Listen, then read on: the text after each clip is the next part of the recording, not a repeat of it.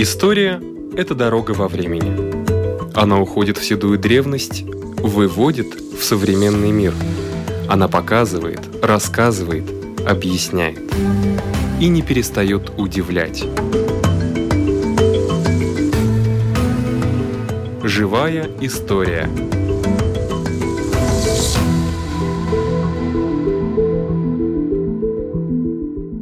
У микрофона Лидия Чера.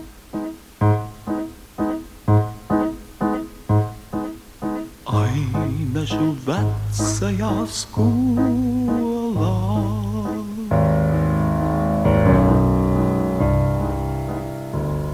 Es skatos tai vecajā bildē, kādi jauni un skaisti vīri, un brauca viņi uz kuģiem.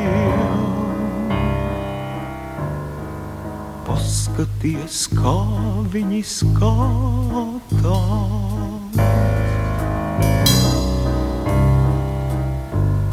It kā binoklī skatītos, it kā ar migla stāvi, ar migla stāvi,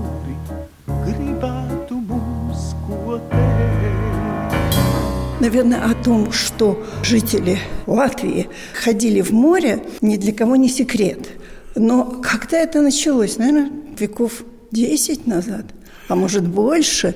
Видвуд Борман, сотрудник музея Риги и мореходства. Так когда началось развитие вообще?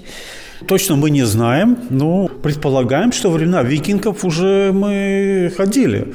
И у нас самая древняя находка – это наш рижский корабль, корабль 12-13 века. Мы предполагаем, что и раньше ходили, поэтому у нас в музее есть модель корабля норвежского, 9 век нашей эры, и, может быть, уже у древних Куршей такие были корабли. Курши потом переняли вообще-то традиции викингов и сами стали грабить и ходить по Балтийскому морю. И даже в одной датской церкви есть надпись «Бог, спаси нас от чумы, от пожара и от куршей». А корабли сами строили? Корабли строили сами. У нас довольно мало свидетельств вообще, скажем, про средние века, что здесь строили корабли. Но, очевидно, все же строили корабли. Мы знаем, что кораблестроение в Латвии начинается с герцогом Яковом, это в 17 веке. Он строил корабли для французского двора и для английского, хотя он сам больше занимался торговлей. Он сам воевать не любил, и боевые большие корабли строил больше на продажу иностранным государствам. Но это были не только торговые суда. Да, это были военные корабли, даже трехпалубные. Их называли в то время фрегаты, хотя с нынешней точки зрения мы бы их скорее назвали линкорами, линейными кораблями. У нас есть две модели здесь показаны, там 50 пушек, где-то 60 пушек. Но это средние Ну, по это величине. большие, это сколько же они метров? Но это средняя по величине корабли, то что большие линкоры были до 100-120 пушек в английском флоте. Но у нас, наверное, эти возможности не такие были. Может, инженеры не такие опытные были, мы строили чуть поменьше корабли. Но тоже покупали, вот Франция у нас покупала эти военные корабли. И так это шло, шло, шло, и дошло, когда началось уже массовое. Бум кораблестроения приходится на вторую половину 19 века, когда идет развитие у нас капитализм, развивается индустриальная революция, и латыши хотят стать все богаче и богаче. Был даже такой лозунг «Латвии эет юриня», «Латыши идете в море и зарабатывайте деньги на море». И мы, наверное, выигрывали за счет того, что все же у нас дешевле было и строительный материал, и рабочая сила.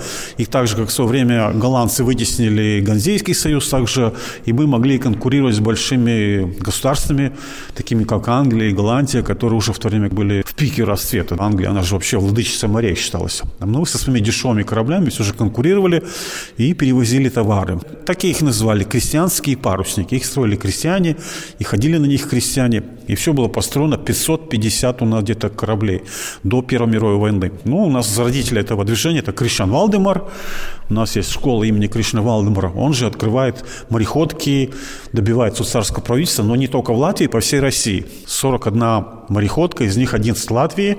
Они были бесплатные для крестьянских детей и на национальных языках. То есть в Латвии на латышском, в Эстонии на эстонском, в Архангельске там на русском языке. И таким образом простые даже вот из бедных семей могли обучаться мореходному делу, навигации и становиться потом штурманами или капитанами.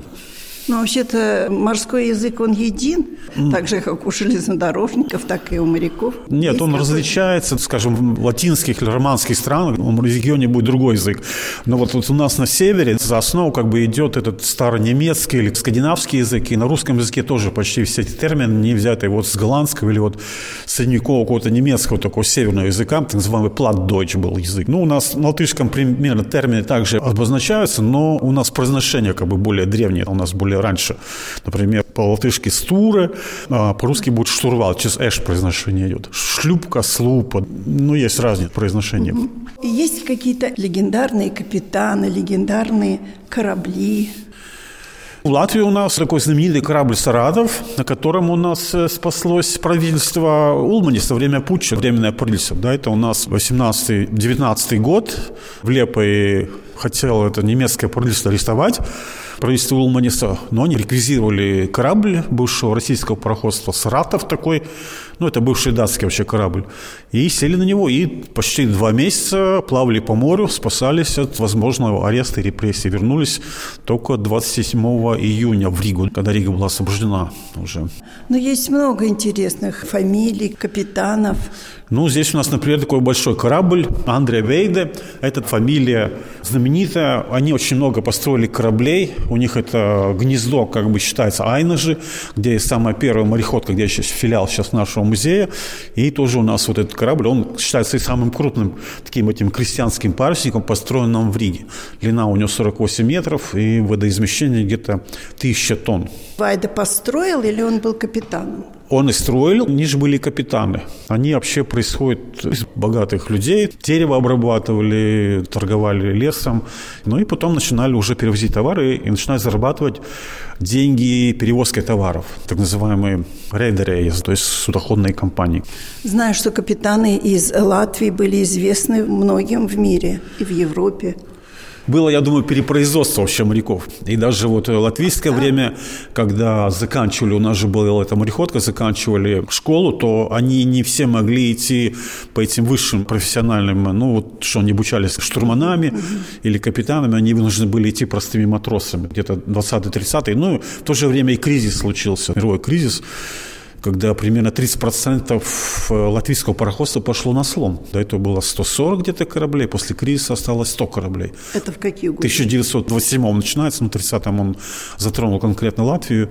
И самые старые такие нерентабельные корабли пошли на слом. Но это пароходы, в принципе, были у нас уже. И у нас использовались так называемые э, second-hand пароходы, то есть мы покупали больше всего Англии, самого большого это морского перевозчика кораблей. И они, конечно, были более дешевые, чем новые. И использовали. Моряки их называют иногда черными гробами, но не были настолько аварийные, как их там называют.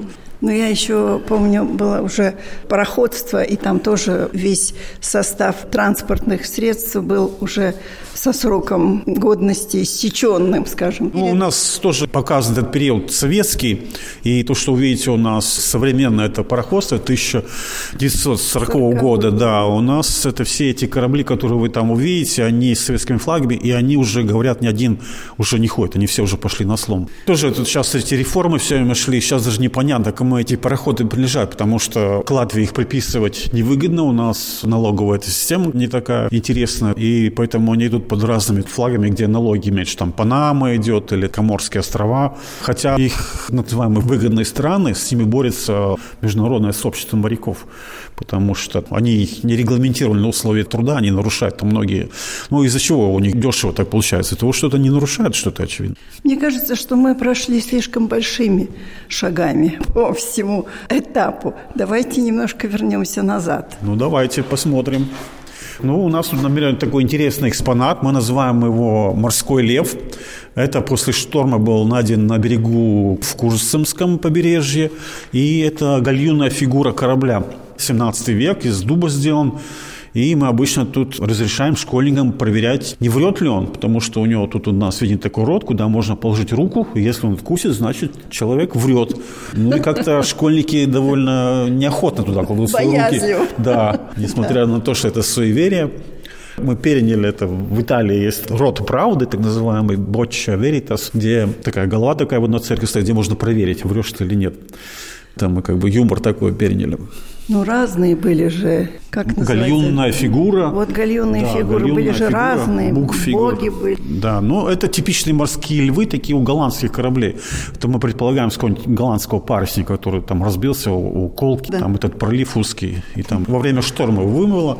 Но это в 30-е годы у нас, если сообщают какую-то интересную деталь, то и сейчас тоже мы, в принципе, заинтересованы ездить и собирать. Но большие корпуса, которые сейчас находятся, скажем, на берегу Мангали было и Бадраи, они слишком большие. Наш музей просто не способен разместить в себя. И их размещают сейчас в Даугавгурской крепости. Очень большой корпус Мангали был на день, начали копать, и оказалось, что он настолько большой, что не можно выкопать, и его закопали обратно до лучших времен. И что, Ну, сейчас они выходят наверх? Так же, как и булыжники, камни эти вот Да. э, на полях появляются, и как-то вот Говорят, камни растут. Да, камни растут. Их вымывает, и естественный процесс, и они появляются, да, вылазят.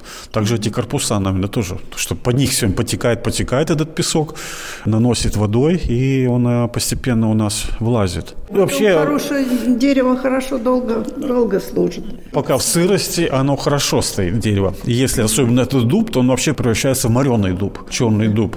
А когда вытаскиваешь его на воздух, тогда его начинают разъедать у нас микробы, и тогда очень быстро идет процесс гниения. А пока он стоит в сырости, вот под землей, в воде где-то, до тех пор это дерево хорошо сохраняется. Ну, здесь у нас уже видны корабли, артиллерия вооружаются. Это у нас и галеон виден, испанский тип корабля, и быстроходная бригантина небольшая, и такой типичный торговый голландский корабль, флейт или флит. Это вот от него пошло этот летучий голландец. И это они научились строить такие корабли, очень легкие и в то же время быстрые. Флют – это от слова «лететь», fly, голландское. И он как бы так быстро шел, что летел над волнами. Они даже на таких кораблях ухитрялись два раза в сезон огибать Африку и сплавать в Индию, привезти товары с Индии. И брали уже до 800 тонн, наиболее крупный. И этот корабль становится интернациональным, его строят и в других странах. У нас корабль показан, построен на этом Курлянском герцогстве. Да, у нас было Курлянское герцогство, Да. и он строил не только военные, но и торговые корабли. А ваше отношение к легенде о летучем голландце?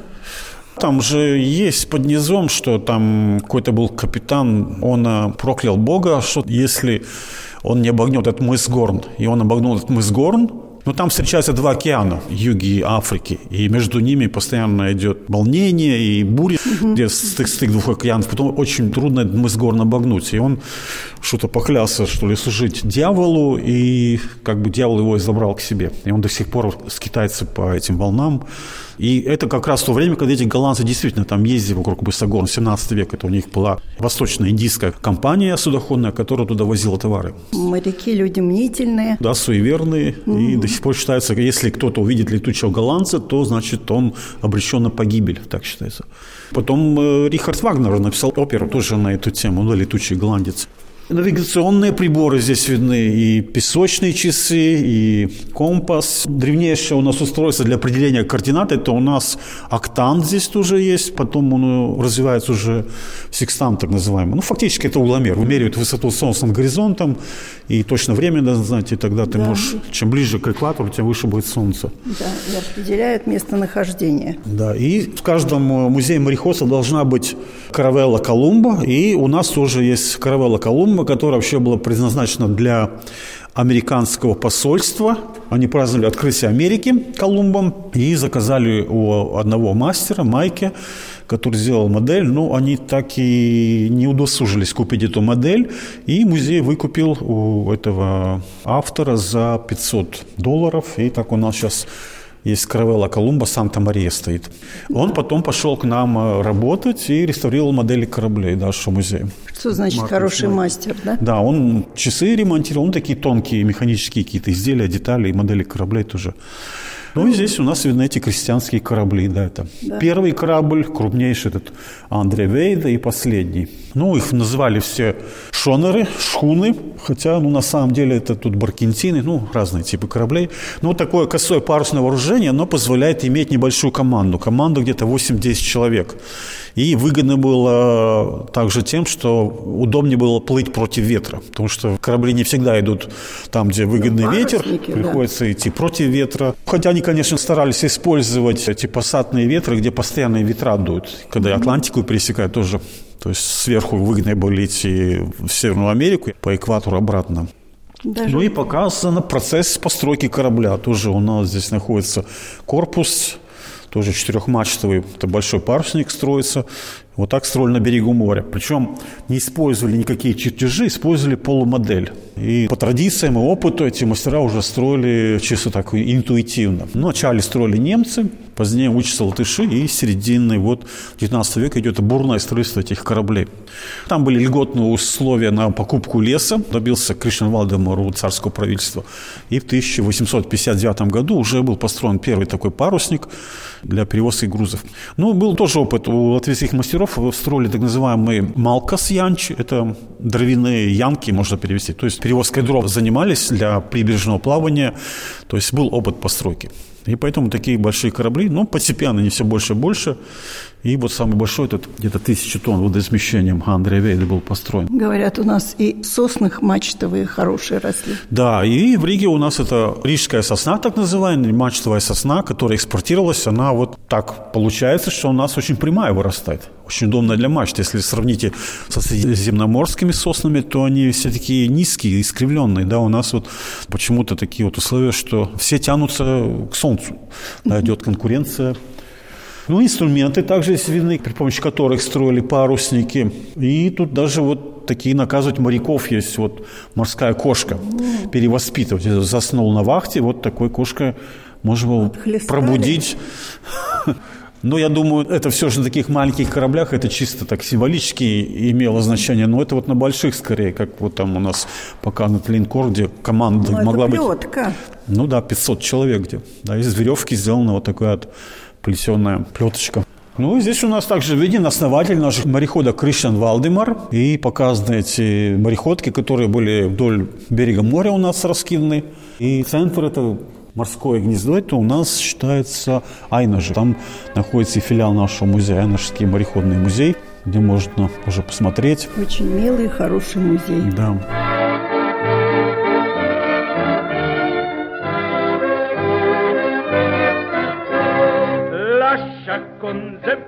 der Artist nennt sich Ilnari Klesau, dann noch ein Butel mit Ratzis, tut es Butti Pretze Brauts. Butti, Butti, Kiki, Kiki, Butti, Sotti, ha, ha, ha.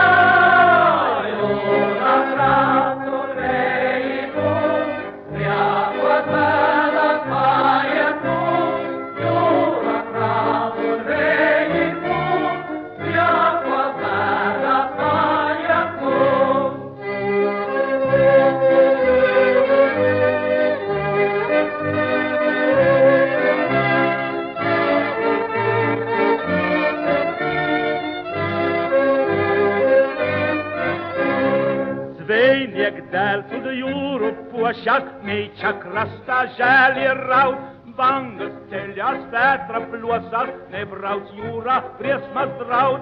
Jūra nāra, tik, tik, tik, puišu kāra, ho,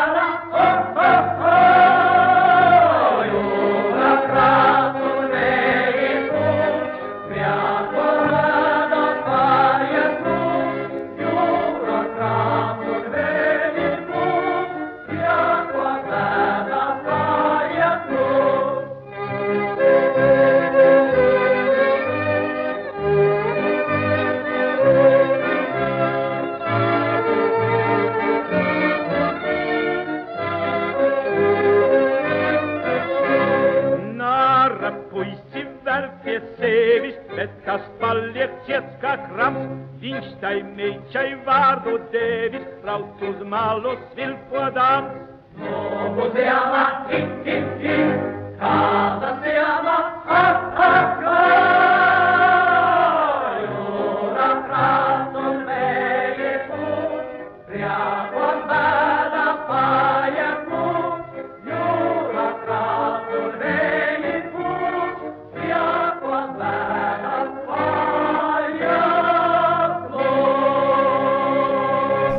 Ну и самый красивый экспонат это у нас здесь такая бригантина. Все восхищаются, хотят на нее сесть и поплыть по морю. Ну, на нем можно показать, как э, управлялись на самом деле парусами.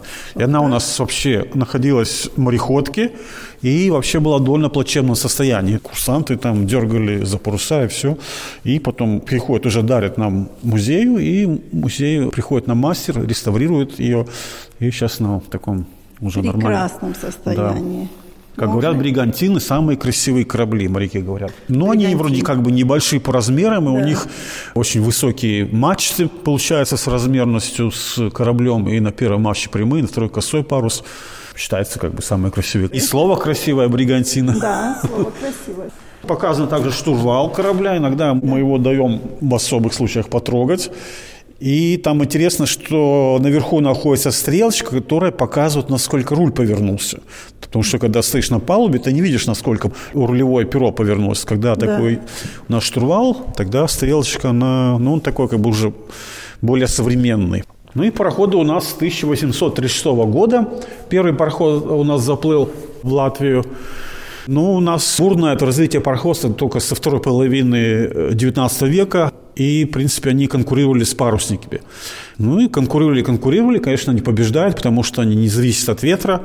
Их строят из металла, они все больше и больше по размерам. Если самый большой парусник где-то имеет у нас тысячу тонн водоизмещения, то пароход уже 2-3 тысячи тонн, до 4 тысяч тонн доходит уже. И ну, вот это легендарный да, Саратов. вот это у нас виден Саратов. Да, вот этот как раз этот мастер, который строил эту каравеллу, Майке, он же построил и вот этот корабль Саратов. У нас была и предыдущая модель Саратова, но он взял э, чертежи все, восстановил по оригинальным чертежам, сделал корабль очень точно. Это его такая мастерская работа. Через иллюминаторы нельзя Карлоса Улманиса увидеть.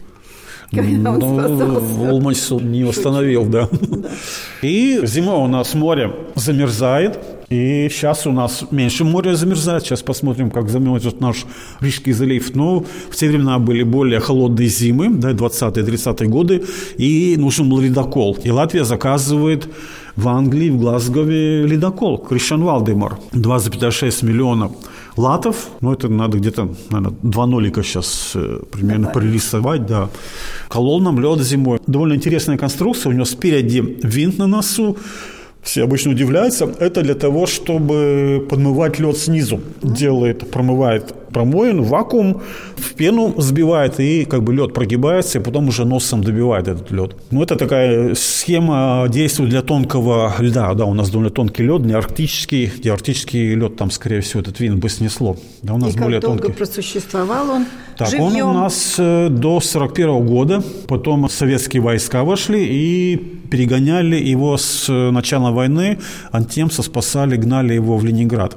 Он наскочил на мину по дороге и утонул у берегов Эстонии, причем эстонские водолазы его сейчас уже в наше время нашли, и он там под водой лежит. Но все интересуются, почему не вытаскивают, ну, просто это экономически невыгодно. Это очень много надо денег потратить, чтобы вытр- вы- вытащить, а там заработка Ну, не потом будет. уже, да, и в состоянии он уже не в Можно таком. нырять, наслаждаться им зато. Да.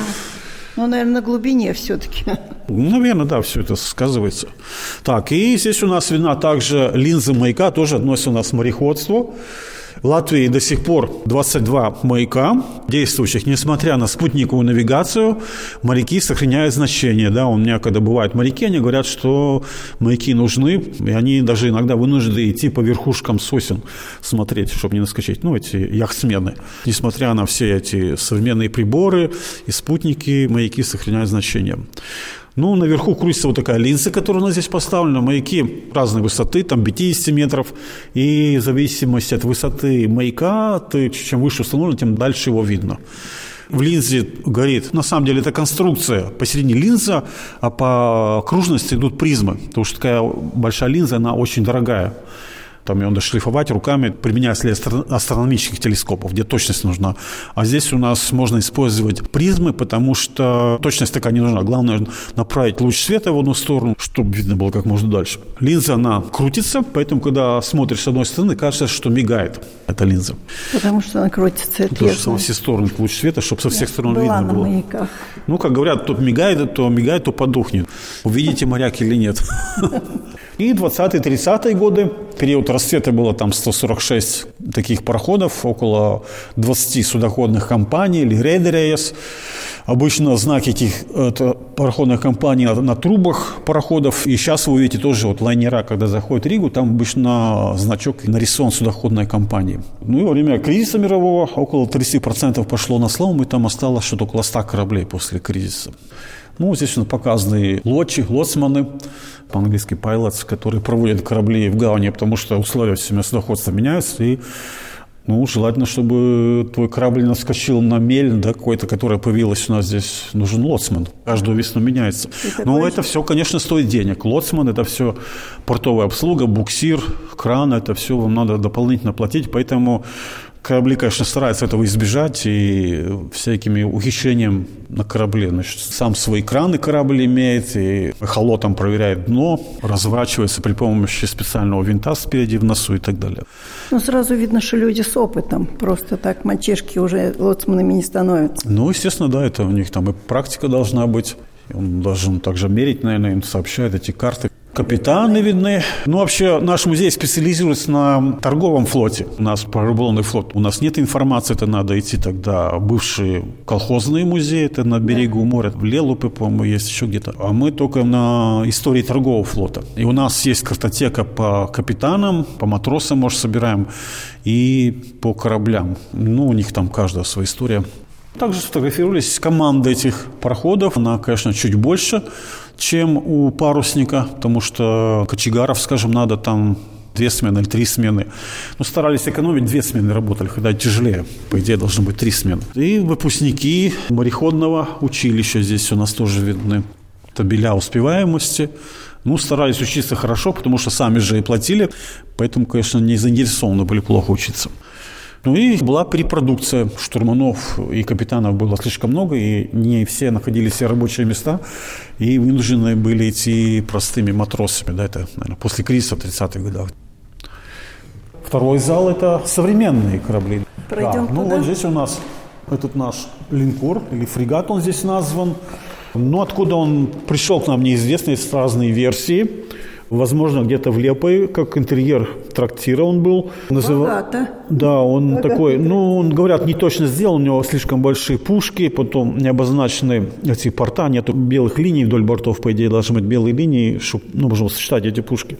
И порта окрашены пушечные порта в черный цвет, чтобы мол посчитать их. Там шлюпка у него тоже висит, не должна быть, по идее. Называется он «Der Kuchnemann», «Кунеман», что переводится как «забияка», можно так перевести. Кухня – это как бы такой брейвхард. Пойдем посмотрим, что у нас во втором зале. Ну и дальше у нас развитие флота 40 года показано. И тут э, есть и подводная лодка, такие две были у Латвии, да, Латвийской независимой республики. Там были большие споры, как лучше Латвию защищать артиллерией или военно-морскими силами. И этот адмирал флота Кайзерлинг доказал, что подводные лодки имеют преимущество. И заказали во Франции две подводные лодки. Если у нас ледокол стоил 2,5 миллиона латов, то вот подводная лодка одна стоит 3,6 миллиона латов более дорогое изделие, несмотря на то, что она по размерам 5 раз меньше, чем ледокол, она более дорогая. У нее механизмы дорогие, более сталь дорогая. Она у нас, одна называлась Ронис, да, у нас здесь выставлена Другая бы называла Спидола, точно такая же, однотипная. Она тоже есть, по-моему, у нас в запасниках. Вторая подводная Но лодка. пригодилась при защите? Нет, не, не пригодились. пригодилась. Да. Ее советские власти захватили, и потом при приближении немцев они не смогли вывести, взорвали в Лепое, и немцы потом распилили их на металл, эти подводные лодки. И есть карта у нас, где потонули наши латвийские корабли во время Второй мировой войны.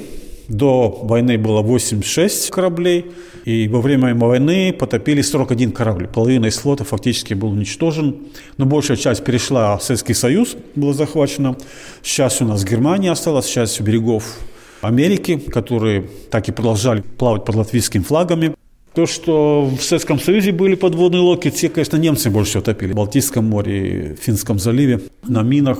Ну, это знаменитая эвакуация Таллина, написанная Валентином Пикулем, где очень много кораблей погибло. И один из таких выживших кораблей – это пароход Даугова, который даже получает у нас памятную плиту советского периода. Да, у нас она здесь видна. Некоторые корабли также были потоплены у берегов Америки. У нас здесь Цилтвара, видна фотография, тонет. Тоже немецкие подводные лодки, они охотились и терроризировали даже американское судоходство. Ну и пароходы начинают постепенно заменять у нас дизельные корабли или моторный, мотор Куди так называемый. Здесь корабль э, Советская Латвия назывался внизу, а в латвийское время назывался Герцог Яков. Очень крупный был, 4000 тонн водозамещения. Шел уже на дизель. Дизель, он пять раз более экономичный, чем пароход. Конечно, дизель там получается дороже, обслуга, но в общем и в целом он, конечно, да. выигрывает. И в советское время у нас были крупнейшие учебные корабли в мире. Это Барк Седов у нас здесь виден, длина 117 метров, где-то 7300 тонн водоизмещения. И чуть поменьше у нас Крузенштерн. У него другой масштаб, больше раза в два или три масштаб, и он очень эффектно выглядит, всем очень нравится, хотя он на самом деле чуть поменьше, чем этот Седов. 114 метров длина и водоизмещение 5800 тонн. Я была на Крузенштерне. Перед ковидом он у нас был на регате, ну, тут да. можно было на него попасть. Если нам кажется, что это самый крупный парусник, на самом деле самые крупные сейчас есть парусники в Польше там построили и еще какие-то есть круизные лайнеры, которые еще больше, там 134, по-моему, метра длиной, и там водоизмещение под 10 тысяч тонн. Пятимачтовики. Но красивые. Да. Содержат их таким образом, что разрешают на них плавать фанатикам таким парусного дела, и они за это должны платить денежки. Но это не только у нас, это во всем мире такая практика, что ну как такие большие корабли содержать, они же очень дорогие в содержании. Но да. они сейчас нам же не принадлежат. Да, они сейчас в Российской Федерации, да, да. оба корабли. Оба имеют стальной корпус, и также у них дизель есть потому что они без дизеля довольно неповоротливы. В порт они вообще входят только под дизелем, потому что парусами очень опасно входить в порт, uh-huh. лавировать. Они там длиной уже 100 метров могут куда-то врезаться. Ну и различные типы другие кораблей показаны. Есть и сухогрузы, более старого, более нового типа. Есть также танкер у нас Пабло Неруда. Но ну, самый большой танкер, э, самый большой корабль из тех, которые выставлены, был бы вот этот вот танкер Пабло Неруда типа. Длина у него более 200 метров и берет 40 тысяч тонн нефти. Танкера вообще самые крупные корабли. Самый большой был 550 тысяч тонн. Батилус, серия Батилус французская. То есть у него длина полкилометра. Но такие большие корабли у нас не могут заходить в Балтийское море, потому что у нас слишком мелкое море, у них проблемы в прохождении между Данией и Швецией, Скагерак. 100 тысяч тонн водоизмещения, ограничения. Мельчают моря. Можно я поиграю в ребенка? Можно ударить? Да. Колокол. Ударьте. О, как это прозвучало. Ну, это да, можно сигнализировать, что вот надо окончать экскурсию или еще что-то. На этом наша передача заканчивается. Всего вам доброго.